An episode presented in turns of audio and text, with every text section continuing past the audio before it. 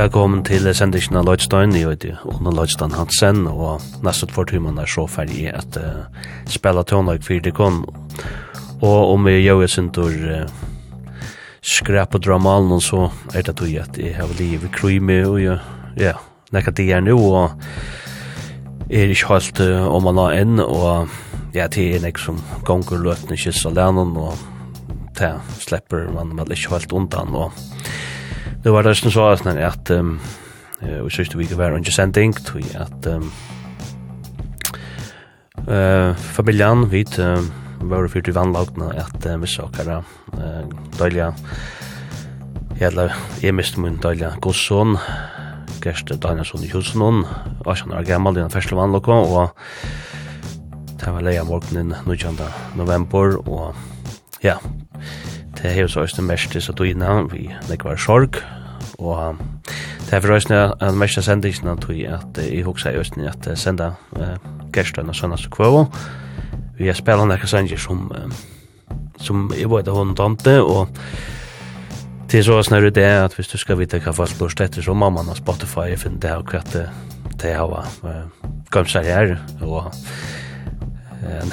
nu kan det ske at det er at ta ju hit journalistan där så tja vi gäst at vi bare jeg var vi var var våra bilder langt på några matar og var det er folk där kan man se så så så vet hon några lever var vi kanskje sint längre fra kan röra trade så så är det og han sa listan som är skal sende inn for för hösten hon hon domte ja onkel folk som lukte så domte hon väl rap og hiphop som er så populært det dag, og det vidar til som lortet sendis ned at det tog meg nesten i behøver ikke lort etter. Tre så akkurat er som jeg tog meg eller kanskje derfra, men ja.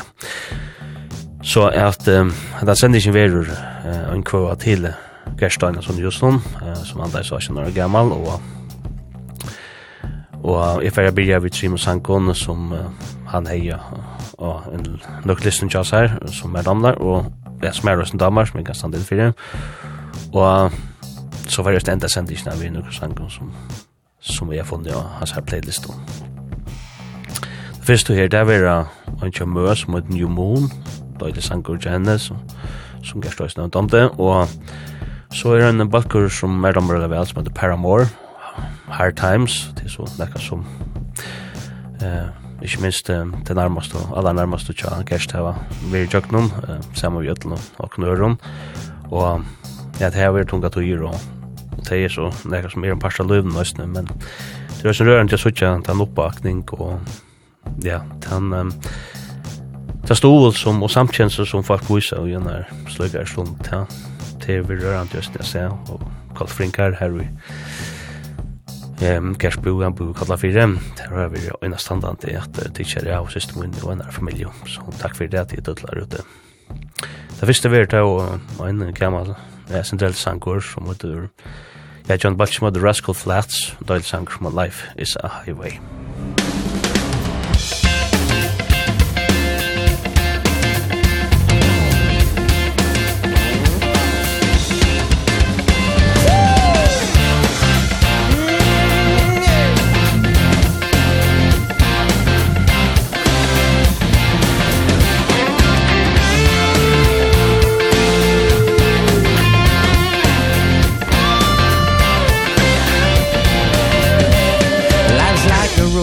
travel on. There's one day here and the next day gone. Sometimes you bend, sometimes you stand. Sometimes you turn your back to the wind. There's a world outside every darkened door Where blues won't haunt you anymore. Where the brave are free and lovers soar. Come ride with me to the distant shore. We won't hesitate To break down the garden gate. There's not much time left today. Yeah.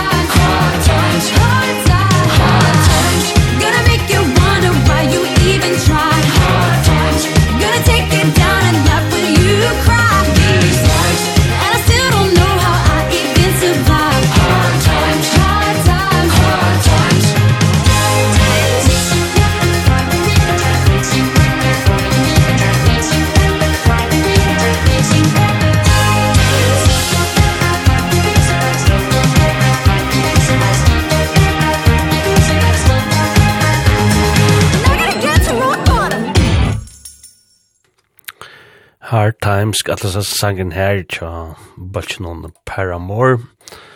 En uh, sanger som er finna av torrara 2016 uka som heter After Laughter. Og at det var uh, en av trim og sangen her som er byrja sendisnir av vi som var kvar til uh, siste sonen og godsonen Gerstein og sonen husnon som uh, så sikkert ja uh, andaist du enn ferslevann og 19. november, leia morgenen. Og enn sasjon og åra gammal, og jeg fyrir sørste sendik nøysen spela Flore Sanchez som jeg vet at jeg stomte, jeg har funnet seg Sanchez her og så er playlisten og um, det har jeg også funnet nøysen Sanchez kjømbøs mot New Moon og sang som jeg finner av henne Plato som heter Motodrome som kom ut i januar og i år og til tria platan Joyce her, dansko sangerinden og sangskriveren. Og den første sangeren her, den var så uh, framorskerande sangeren tja Rascal Flats, som var Other Life is a Highway, og som var også en sanger som gerst domte Og i sangen hun synger deg, Life's like a road that you travel on, When there's one day here and the next day gone. Sometimes you bend, sometimes you stand, sometimes you turn your back to the wind. Uh, og ja, jeg er som sagt jeg spiller nekker flørsanger som uh, gæst om det, og det er sørste sendisene. Nå fer jeg at um, lykkes som uh, spiller sin som Ja, annars vil det spalte sendisene, løtsna sendisene. Og um, jeg får spela under ikke sang til henne døyler uh, pop-tonelista kvinner som heter Caroline Polacek, og han sang under ikke Sunset til under ikke sang for henne. Jeg får spela under ikke sang til henne uh, balt som heter Dury, en syskin av doa, sanger kallas for Trauma Queen. Jeg har alltid spalt sanger for tøyre kom til å kalla for Drama Queen, men det er til som føler. Ja Han heter Trauma Queen, som sangen her. Det første var da en, en gamma sanger som jeg hørte for noen vik så gjerne, og en er utastøy som lort etter, og det er en sanger til australsk om Midnight Oil, og man damer veldig vel Midnight Oil, men uh, man spiller ikke nok, og hvis man spiller Midnight Oil, så har man uh, kanskje en, uh, en, uh, ja, han har sånn tendens til å spille det som sannsynner, men jeg snir jo en som kanskje ikke har hørt uh, så ofta. Han heter The Dead Heart. Og um, han har finna og uh, satt opp platene til Midnight Oil som går ut under Jen Schaefer som heter Diesel and Dust en frolic uh, plata skal det holdt så sida og her var hette Beds Are Burning og jeg finner av men uh, ja, jo det ser løtene her vi Midnight Oil Musik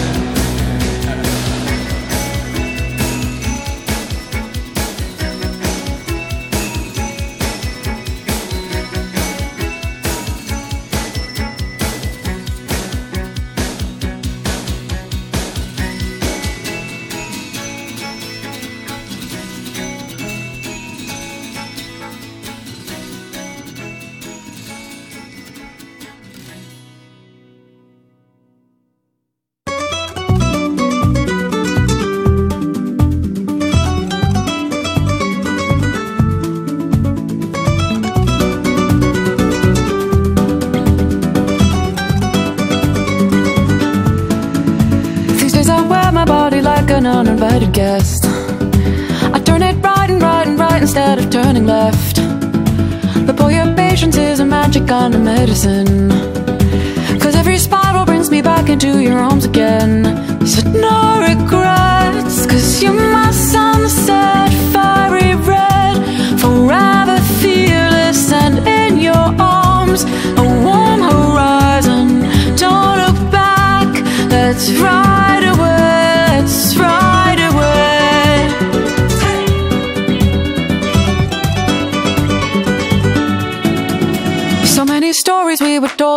safety net. But when I look for it, it's just a hand that's holding mine. I'm wearing black dim on the sudden loss of innocence. And that's alright because it hides the dirt and hides the wine. There's no regrets Cause you're my sunset, fiery red. Forever fearless and in your arms. A warm horizon Don't look back, that's right.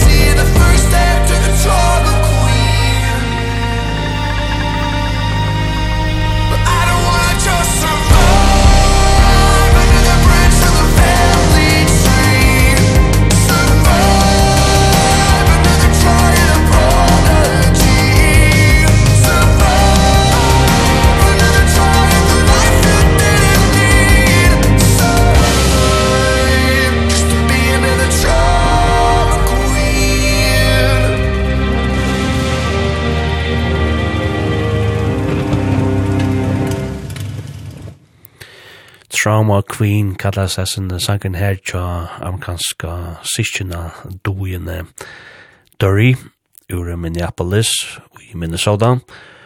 Og hatt er ein av flere singlon som eh, Balken hever givet ut siden han var stående i 2020 under eh, koronafarsrøttene og um, det som han har balken til er hos ikke Austin og uh, Terren Dury og det blir vi at jeg ja, så du søtter alltid hjemme tja foreldre noen og byrja så gjøre en tøvnlag bare for å stitte seg om stått der og gav så en, en sang ut av TikTok som er den uh, halvt større milen eller Jøgnebross milen for tøvnlag um, sanger kallas for Who's Laughing Now og ja, han tok like oss av TikTok og så fikk de uh, han ble større skund at stående balken og at gjøre maratonløyk og det det som gjørs og til det kommer flere gøy og sannsjøbørsrur her til. Og en uh, funne balker hadde jeg en som i man og er halvda eia vi. Så var det Donalia Caroline Polacek som uh, framførte sannsjøn uh, Sunset en kinkla fra henne. Og den første sangren det var sangren uh, The Dead Heart tja legendariska uh, australska uh, rockbotch nun Midnight Oil, og snarsangen her er a finna av torrara plato Diesel and Dust, som kom um, ut i 1924, og var uh, ta stora platan til Daimon, her var mitt landa hitte Beds Are Burning a finna av. Tona så trutsi sangen vi er sinne moira ja, hva skal man säga, frialdig, på en fri hva skal så organisk, vi kan skal sitte nekker popper, vi Paramore, og vi Karlen Polacek og Dory. Um, jeg får spela en sang tja daglige enska tøndestamann Sam Fender, Bit of You, alltid han vet så sangen her. Så får jeg spela en sang til Bruce Springsteen, eller en sang til en Tulching tulking tja Bruce Springsteen, jeg sang til Do I Love You, Indeed I Do, som er finna han er platt ut hånden her, han tolkar klassiskar, ja, amerikanskar soul, R&B sanger, og til en døylig plata. Første veri til en sanger tja belgiska balsnun Hermanos Gutierrez, og til två bolsjar som spela saman, som spela hva skal man kalla det, til sånn en blanding av mexikanskon og amerikanskon tonelage ølja revoljur instrumentale tonelager og stensangen her han heter El Bueno i El Malo Thank you.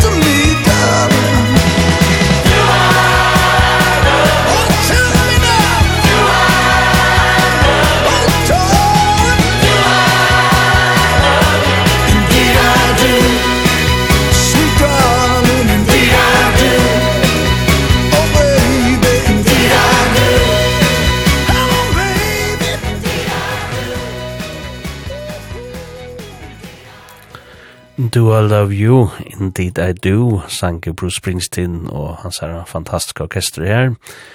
Og at det er en sanker uh, som Frank Wilson og Bruna Lia skriver hjem, og som uh, Bruce Springsteen har tolka av platene Only the Strong Survive. Og det er en døylig uh, plata og en døylig sanger her, som er en kvåa til The American Songbook, som Bruce Springsteen kallar i dag, nekkert av mun soul uh, eh klassikern eh, som han er, som Bruce Springsteen har valt att tolka och eh, her.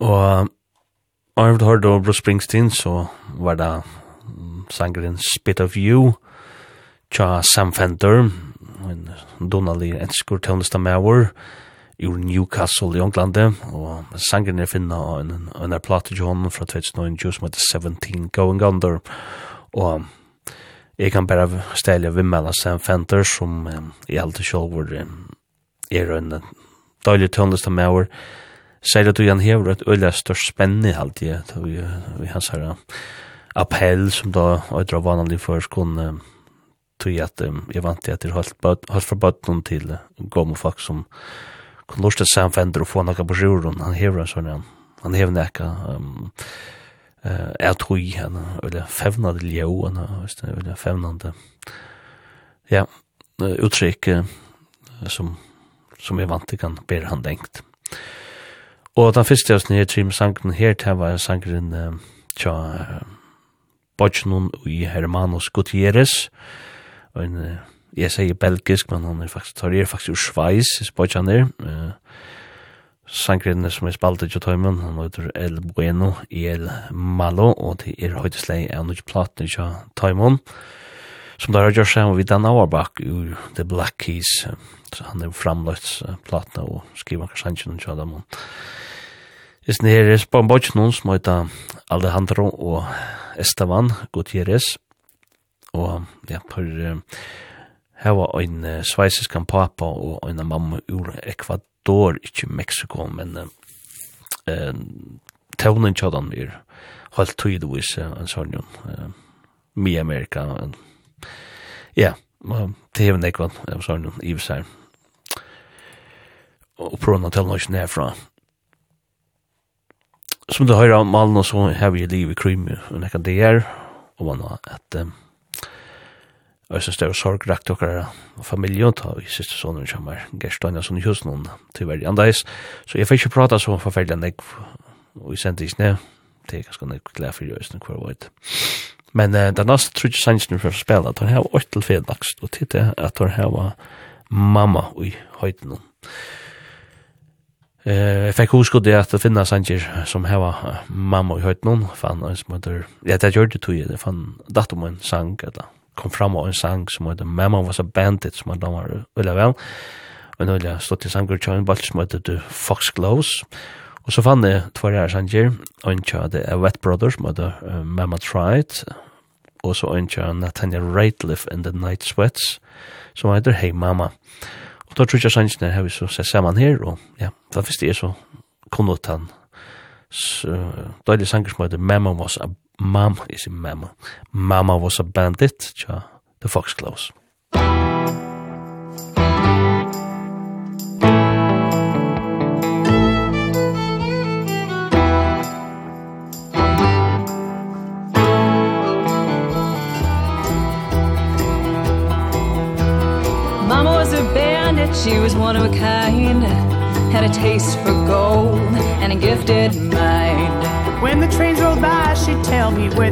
safe.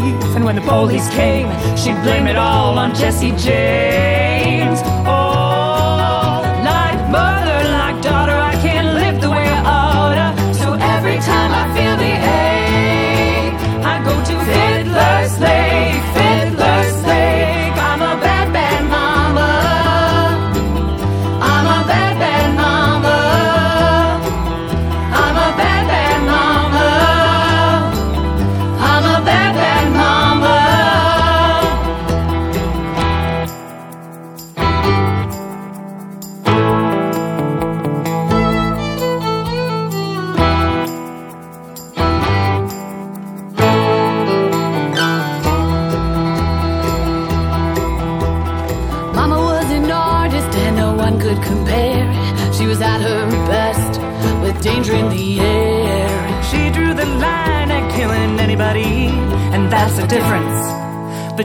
mama and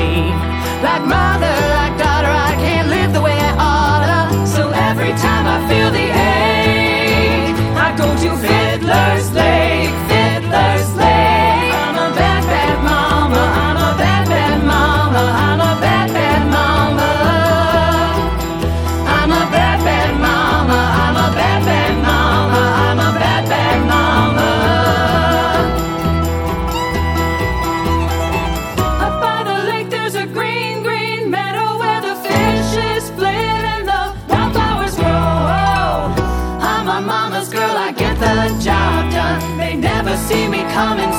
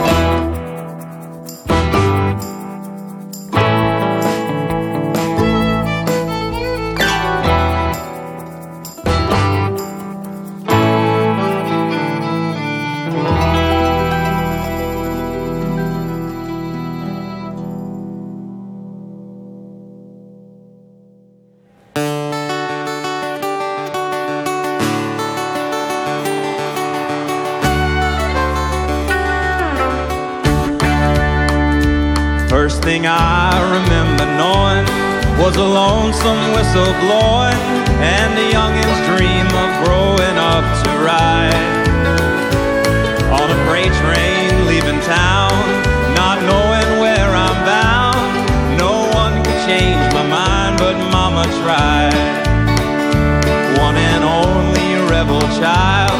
From a family meek and mild My mama seemed to know what lay in store. And despite all my Sunday learning Toward the bad I kept on turning Till mama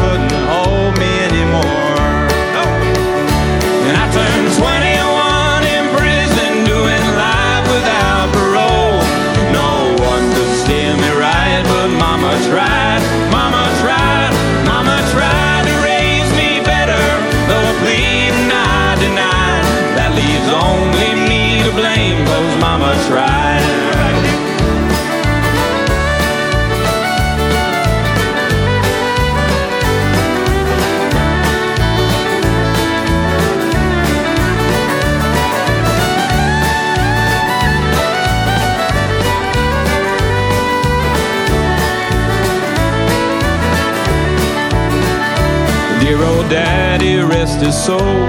Left my mom a heavy load She tried her very best to fill his shoes Working hours without rest Wanting me to have the best. She tried to raise me right but I refused. And I turned 21 in prison doing life without parole. No one could steer me right but mama tried.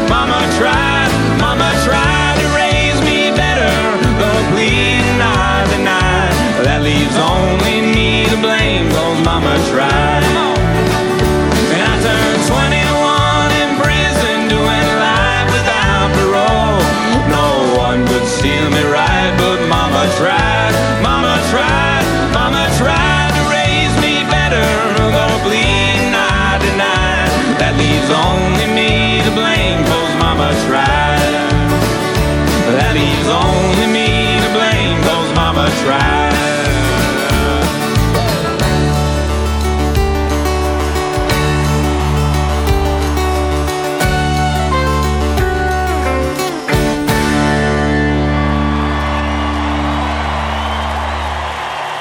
Thank you, Merle.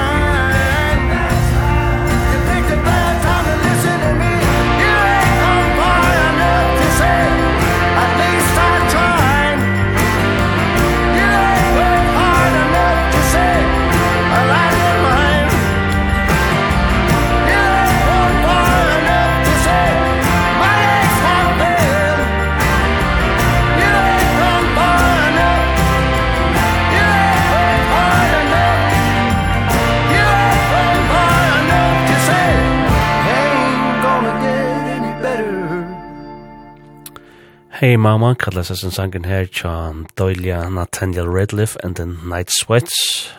Um, ja, bei uh, en tøndlista med over, og en balker som jeg halte at uh, alt og få folk kjenner, det er Nathaniel Redliff og hans er balker. Og så sangen her uh, var en av trim sangen som handlar om, om mamma, eller at mamma i høyden hon. Og sangen her er å finne og hans er plato Tearing at the Seams, og det var en plata som kom ut i 2018, tja, Nathaniel Redliff og The Night Sweats. Og en uh, døylig plata fra en døylig tøvnløste mann og Balchi. Og her til hørte vi uh, sangen uh, Mama Tried, og det var uh, en tulltjeng tja The Av Wet Brothers, av en Merle Haggard sangen, som um, Obrunaliga kom ut i 1938 av platen Killers 3, John Merle Haggard. Og hessen, andan her tolkingen tja, de Wet Brothers, er og Mama Tried, hon er finna av platene som heter Sing Me Back Home, The Music of Merle Haggard, og det var en kvåa til den her sterska tulleste mannen, og det var en liveplata, og med landa så er det, det her er nek forskjellige folk som tolka Sanji Merle Haggard, Bobby Bear og eh, kan nevna Øysten Lucinda Williams, og um, Loretta Lynn er Øysten vi er og så er Sean Øysten. uh, Sheryl Crow, Keith Richards, og Nick Wonder, og det er brothers er her med til Øysten. Gav en selskap må man si at det var vi her. Det er ikke ofte heller, det spiller live, med opptøkker, med de beste spillene, uh, um, man sier, produserer i plater, men og det er det er det hoa litt at spela live utgaver av sangon. Hatt var så, var så dømme om det her. Nu färg jag till alltså en mora pop åt. Ja, nu färg jag till Pointless pop åt Antona Gator. Jag får spela en spelning jag sang till Tegan och Sarah. Så kanadisk och två kanadisk och två på det sistone. I can't grow up och det nu singla från Toymon. Så är en bulker ur Leeds som heter Kaiser Chiefs. Tor har vi ikke hørt nekk til søndagslærerne, men tor er kommet til å tro at nå vi har en single her som heter How to Dance. Men det første er sånn som sangen her som jeg får spille nå, det er at vi er dårlig bolsen om Paramore, som er her i begynnelsen av sendingene. Hese sangen er spillet noe kjør, og det er This Is Why. This Is Why.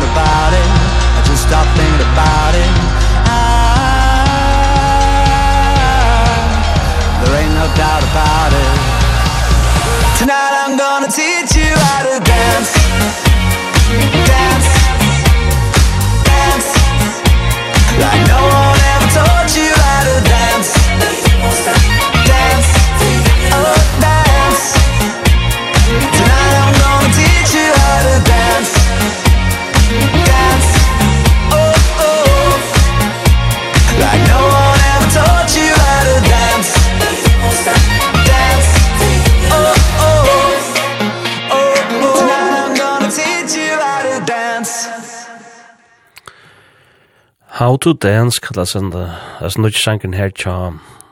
Vart någon uh, Kaiser Chiefs ur Leeds. Nu uh, konkurrens balken för att vara rockbalken men um, han var så det sangen och så man måste säga det er rätt lengt fra at han är en rockbalk och långt kanske vara ändå en. Men um, fruksligt at det här tja dem och som vi skilja den og så er at her uh, sprotte bursur ur uh, samstarve vi Nile Rodgers, du at det var um, haft en session som man kallar det där att um, ja, jag var nog spalt samman med hon eller mötst vi Nile Rodgers og för Jude Buster från honom till den mycket platna jag dem som ska komma ut nästa år. Eh med snäpp balken Kaiser Chiefs ur Leeds och jag kvui öter om balken Kaiser Chiefs ur Leeds ja det som uh, här var fyllt vi eller fyllt vi fotboll och är nog kommul till att minnas det så så um, hei Leeds og en øyla gåan fotballspelare uh, atri og noen som var uh, surafrikanare og uh, han uh, kom uh, fra uh, en uh, fotballsli her som et Kaiser Chiefs. Og han var liskibar til Leeds uh, vi har i noen og et Lukas Radepe. og Og jeg ser uh, drøngene som søtten blivet uh, til uh, Balchen uh, Kaiser Chiefs tar var så mye inspirerar etla hotekner er av sin her Lukas fra DP at han gjør det kvarsen var men en oppkalla Balkin som sier etter hans her uh, feleie som opprunnelig var Kaiser Chiefs ur Sør-Afrika. Ja, så det kan det og avverst hva skal man sier, av fotballter og tøvnlager blant samme tid, ikke nega nøyt, Ofta er det en sammanheng med den her. Men eh, ja, at det var så spennende tilfell fra Kaiser Chiefs. Og jeg har du uh, How to Dance, så hørte vi sangen I Can't Grow Up, tja. Døyliga uh, avantgarde, ikke avantgarde, uansett det progressiva pop uh, bulchen under eller pop dojen ur uh, Kanada som heter Tikana Sara. Det er jo tvipora systrar. Og så sangen her, uh, er jeg finner ikke platen til Tom som heter Cry Baby, som kom ut i oktober i år. En, ja, øyne høyt virtur bakgrisen her, Tigana Sara, og det som jeg har hørt til sånn indie pop, altså indie pop doene, så så er det som alt som regel godt til dem. Altså, det er Birja Holt at hun er 98 og kommer ur Calgary i Alberta. Så Østen er det rundt der og men stadigvæk har man øyla frukt, øyla fruktstige, og det har det så i sannsyn her, I Can't Grow Up. Og den første sangen her, det var høytslei, og ikke platen til Paramore, som heter This Is Why, og det er uh, satt av platen tja, jeg snakker om kanskje bare om Paramore, som skal komme ut neste år. Og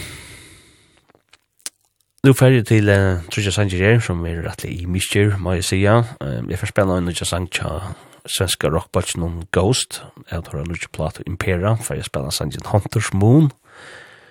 Jeg får spela en Sanger Gorillas, nu tjan, uh, som tar her var just Shawn vi uh, Tame Impala, og så en som heter Booty Brown. New Gold kallar sangren her. Um, en døylig sanger, de sjolvor. Det første vi er til under sjanker tja Arctic Monkeys, som heter I Ain't Quite Where I Think I Am.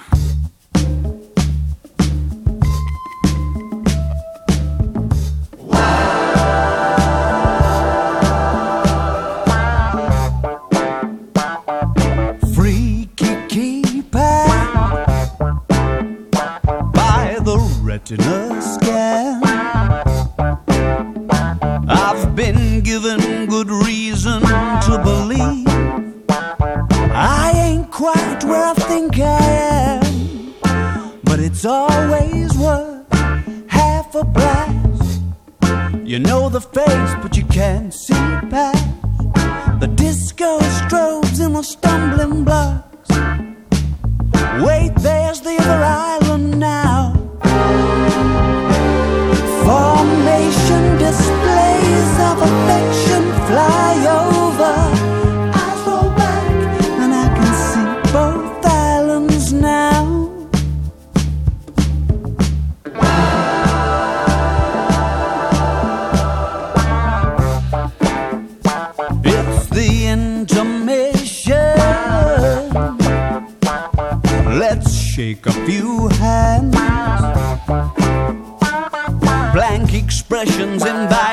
to suspect. I ain't quite where I think I am. Stackable party guests To fill the awkward silences. The disco strobes and the stumbling blocks. Wait, there's the other eye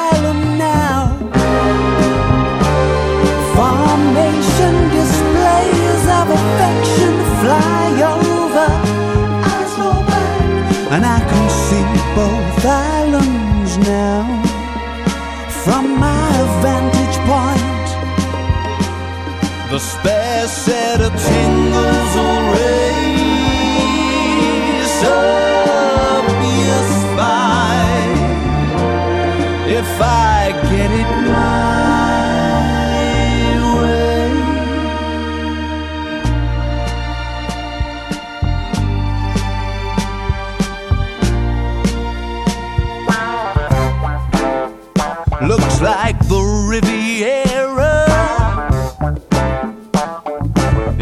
coming into land. Early predictions would seem to suggest I ain't quite where I think I am. Formation displays of affection fly over. Eyes roll back and I can see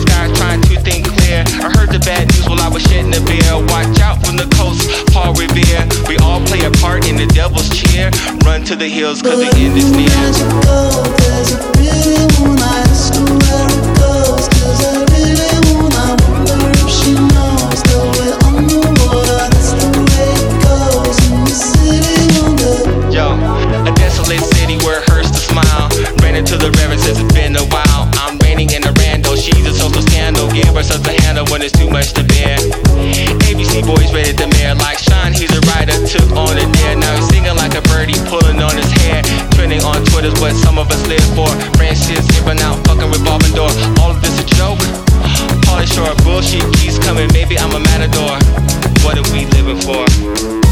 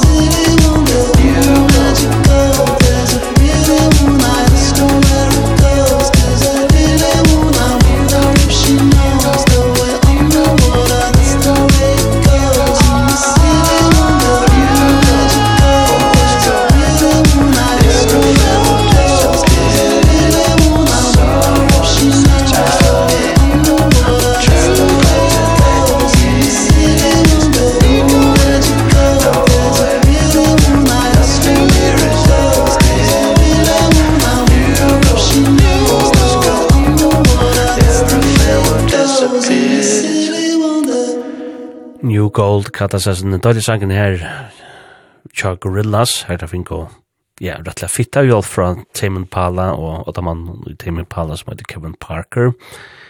Onkur heldur at det var ganske mara Tame Impala enn det var Gorillas men ja, dette det færa er ganske sjo høgt på sånne ting er tonlagen gaur så er han gaur og en annars møy som er vi her tar var oss med The Booty Brown. Og hans sangen her, New Gold, han vil finna og kommande platene tja Gorillaz, som fyrir eita Cracker Island, og tar singlene som her til er og uh, leistjivnar er platene er og enn standande gåar, og at jeg er for jeg gleder meg som et uh, baden til å høre restene av platene. Fantastisk um, uh, tilfære at det er fra Gorillaz. Og, og jeg vil ta da um, Tame Impala, Gorillaz og Buddy Brown, så var det sangren Hunter's Moon, tja, dølja svenska heavy bulge non uh, Ghost, sangren med finna nukje platen, tja, Ghost mot Impera. Det som stått, er så stått til vi, vi Ghost, som just er blitt godgjørt til uh, Copenhagen, til det at um, hvis du pakkar altså gaven ordentlig ut, så er det røynderskauret, ja, røynderskau poppor, uh, nærmast ivrig Melodi Grand Prix pop, at det er, uh, ja, pura, fullkomliga, um, øsmeie, øsmeien popper inne i chattene, men så lett ut i og en nok så tunga rock hem, og på sjur kommer et rattlig hotekande ljøs som Jeg halte det var sånne jammer som sier at det ber ikke til ikke dama, ghost, og jeg halte han er pura rett og tog. Um, til er øyla uh, domligt. og um, jeg som jeg lagt mest til er at jeg halte en konefødt dama vel, uh, akkurat det her, samme blant de og rettelig. Grunnleggende pop, uh, pop-løven, vi er sånn tingre uh, skal. Og uh, Arnold har då uh, Ghost og Hunter's Moon, så har vi et uh, Arctic uh, Monkeys, vi er nødja sannsyn noen uh, tja Thomas Mother I ain't quite where I think I am. Og det er en uh, sang som jeg finner av Nuttjo Platen tja den her døyla balsen ur Sheffield i England som heter The Car.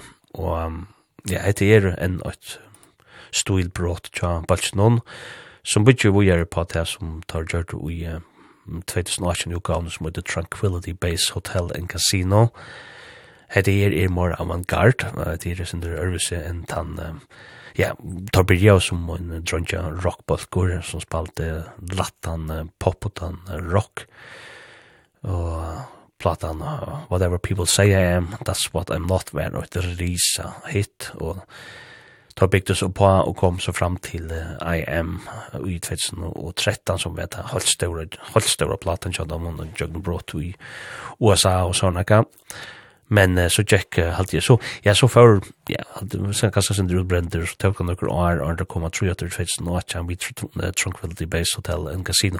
Her det prøvde jeg alt nok til det er vel pura naturligt at um, man gjør det og man er korset tror jeg noen spår i den lunge.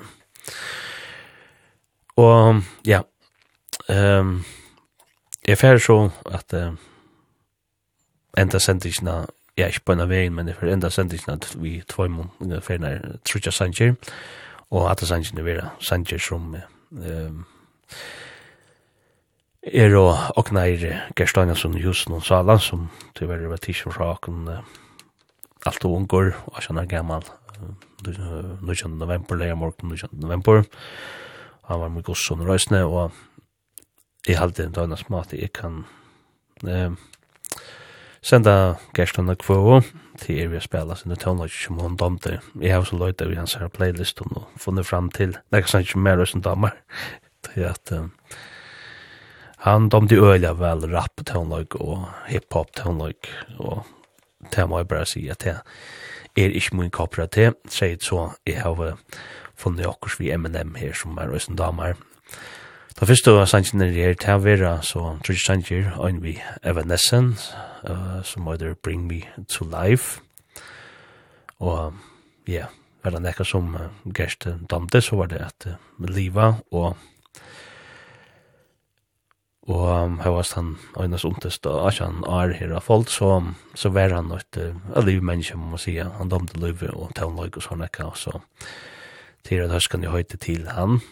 Så er det Alone Dance, Charles Stromae, uh, som er damer så veldig vel enn her. Uh, belgiska tøndestamannen som er så fantastisk at Donald er, og det alt er en døylig, døylig sangrøsne.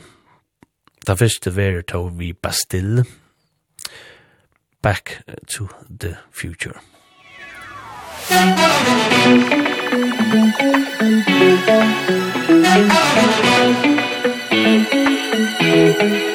Feels like we danced into a We're living 1984 If doublethink no longer fiction We'll dream of Huxley's island shores.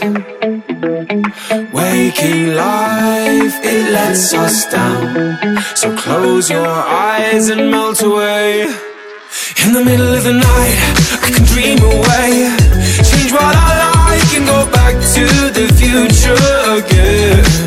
In the middle of the night Gonna scream your name. Bring you to life And go back to the future again. In the middle of the night Oh Oh. Now that reality's distorted Can we just blade run, run away? some imagined future. Let's tap our heels three times in prayer.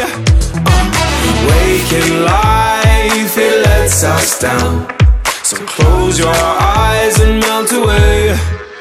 In the middle of the night, I can dream away. Change what I like and go back to the future again. In the middle of the night, gonna scream your name. future again In the middle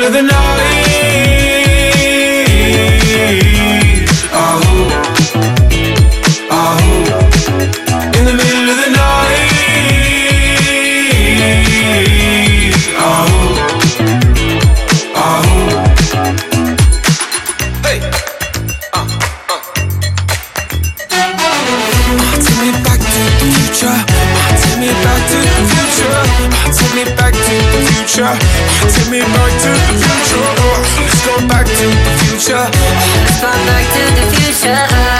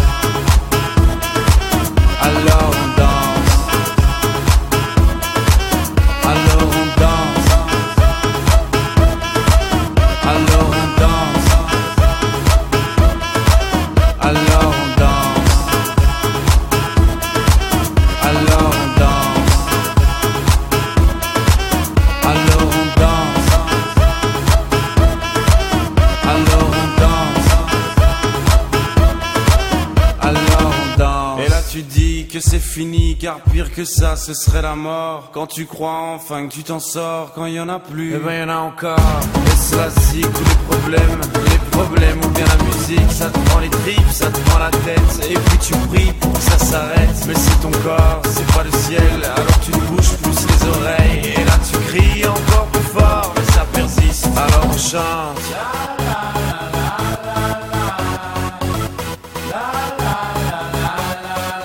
alors on chante.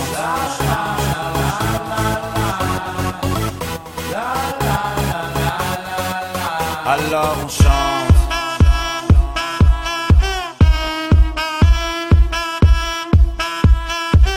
Alors on chante. Et puis seulement quand c'est fini, alors on danse. Alors on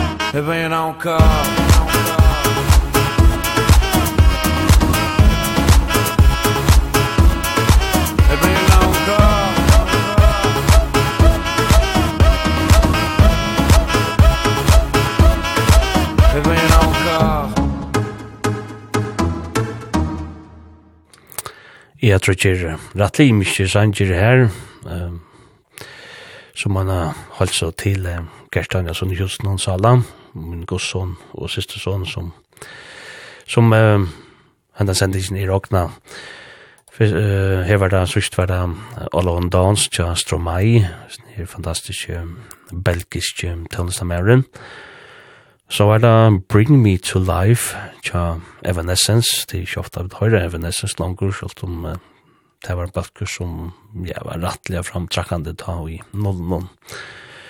Og det er godt at vite at det er til unge deg.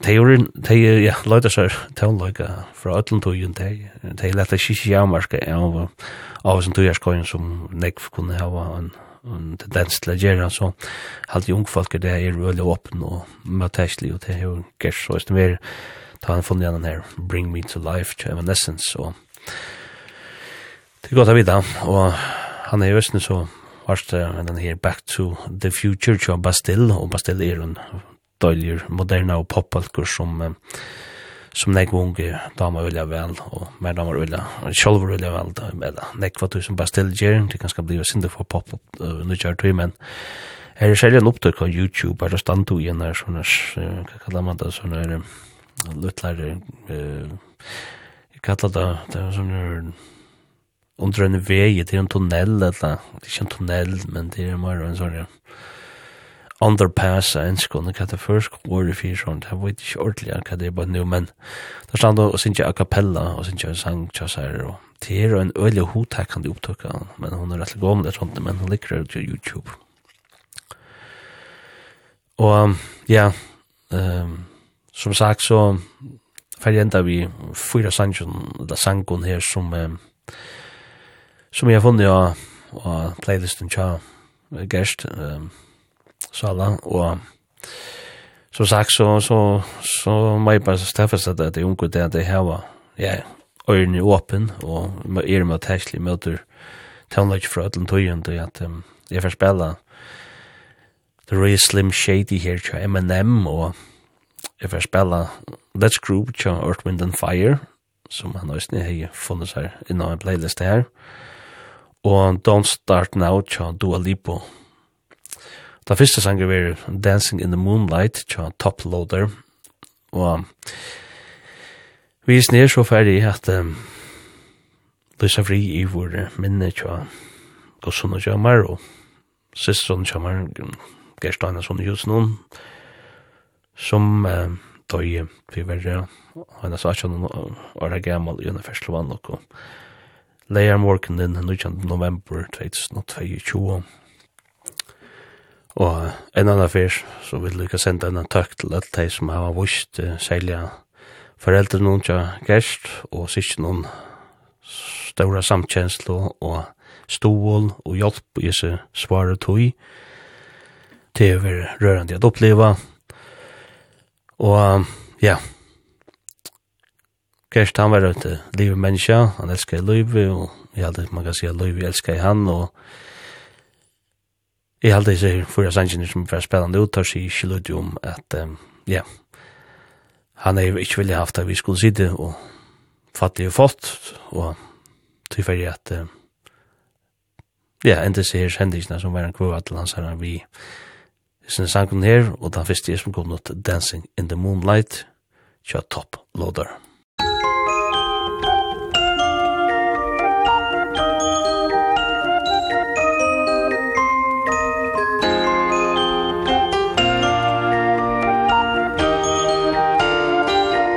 We get it almost every night. When that moon is big and bright It's a supernatural delight tonight Everybody's dancing in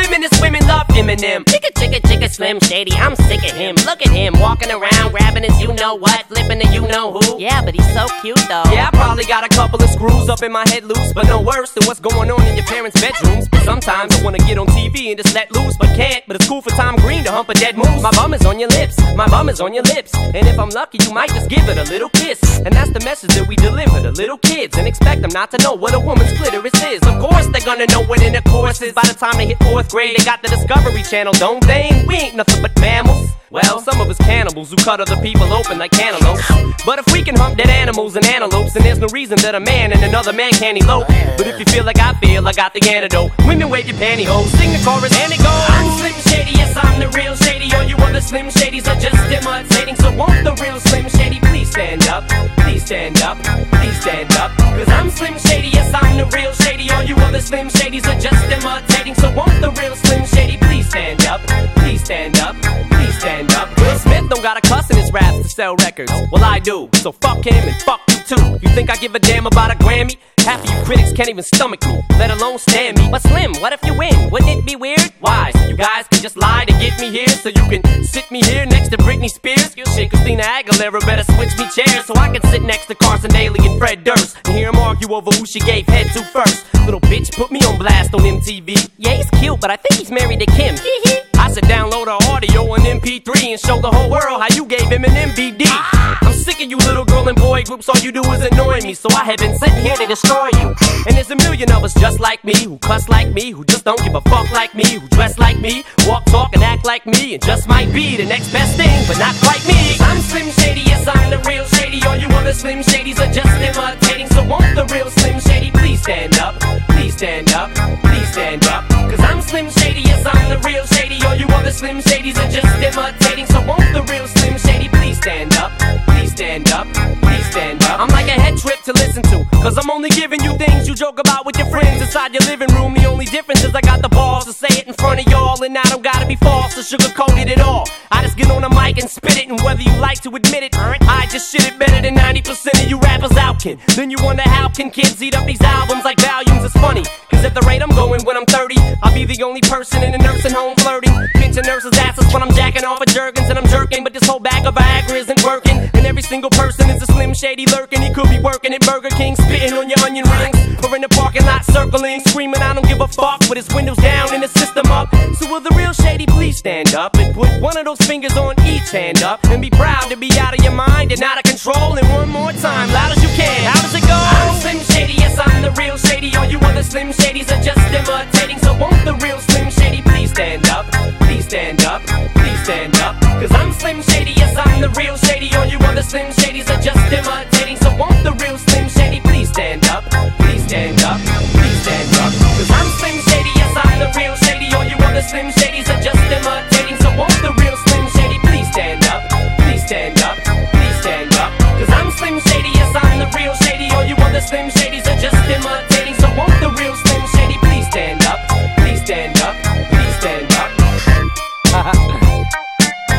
Slim Shady and all of us. Okay.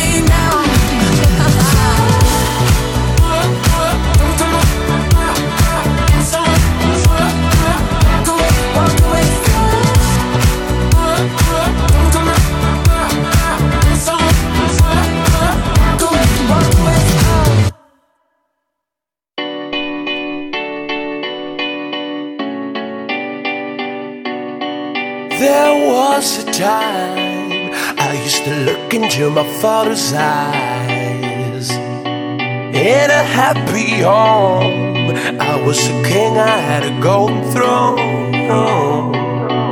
Those days are gone Now the memories on the wall. I hear the songs From the places where I was born. Upon that hill across the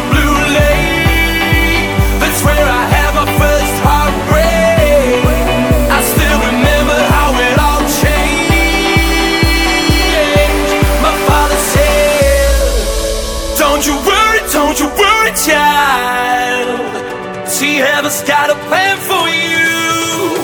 Don't you worry, don't you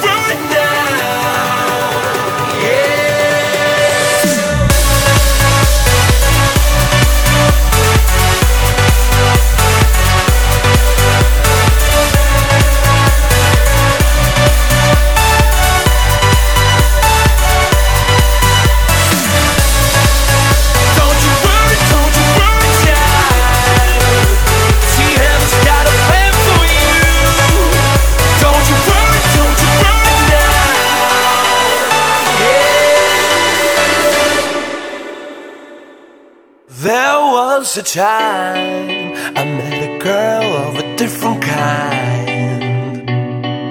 We ruled the world. I thought I'd never lose her outside We were so young. I think of over now and then. I still hear the song.